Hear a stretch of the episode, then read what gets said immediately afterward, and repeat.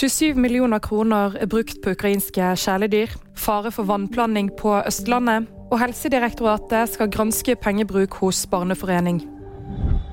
1270 kjæledyr har blitt med ukrainske flyktninger til Norge hittil i år. Noe som har kostet Mattilsynet 27 millioner kroner og 20 000 arbeidstimer. Dyr som kommer til Norge fra land utenfor EU, må vanligvis avlives dersom man ikke har papirer i orden. Men det har blitt gjort unntak for ukrainske flyktninger, som har fått dekket kostnadene som kreves for behandling av dyrene.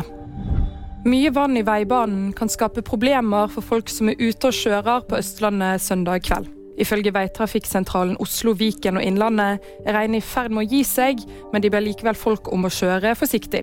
Det gjelder spesielt rundt Oslo og i tidligere Østfold. Helsedirektoratet skal granske pengebruken til Foreningen for barnepalliasjon. Foreningen jobber for alvorlig syke og døende barn, og skal åpne et senter på nyåret.